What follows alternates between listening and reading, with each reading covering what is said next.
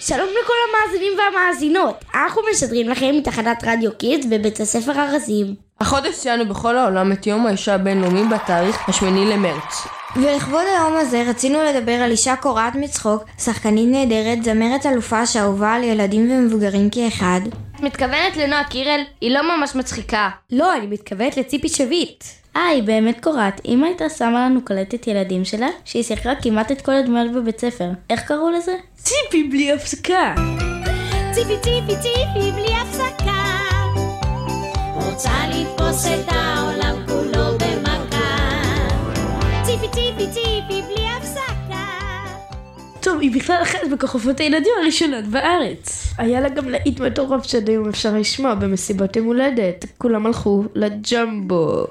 כולם הלכו לג'מבו, ג'מבו ג'מבו ורק אותי השאירו בחושך השחור כולם הלכו לג'מבו הרגל נשברה? כן, השיר הזה. וגם עוד המון שירים שלה שהפכו ללהיטים. ברברבה, הייתי הילד הכי קטן בכיתה, אני ג'ינג'י ועוד ועוד. מעניין מי זה בדלת באמצע השידור. כן, מכתב מהסוכן של ציפי שביט! מכתב עם בול, ממש כמו פעם. בואו נראה מה יש בפנים. היי, זו חבילה של תמונות. תראו אותה מפססת על במה של פסטיגל. היא השתתפה חמש פעמים בפסטיגל. וגם היום בגיל 75 היא לא עוצרת וממשיכה להופיע בבמות ברחבי הארץ. וואו, היא ממש פצצת אנרגיה! אמא שלי מבקשת שנזכיר שהיא גם מופיעה בהמון דברים למבוגרים.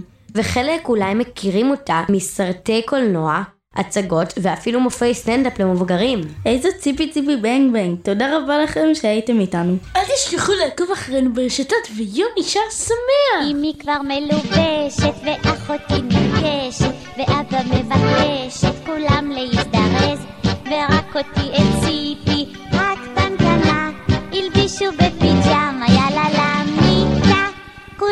הלכו לג'מבו ג'מבו ג'מבו ורק אותי השאירו בחושך השחור כולם הלכו לג'מבו ג'מבו ג'מבו אמרו לי לילה טוב וכיבו לי את האור רדיו Kids 120 FM, תחנת הרדיו הראשונה לילדים ונוער.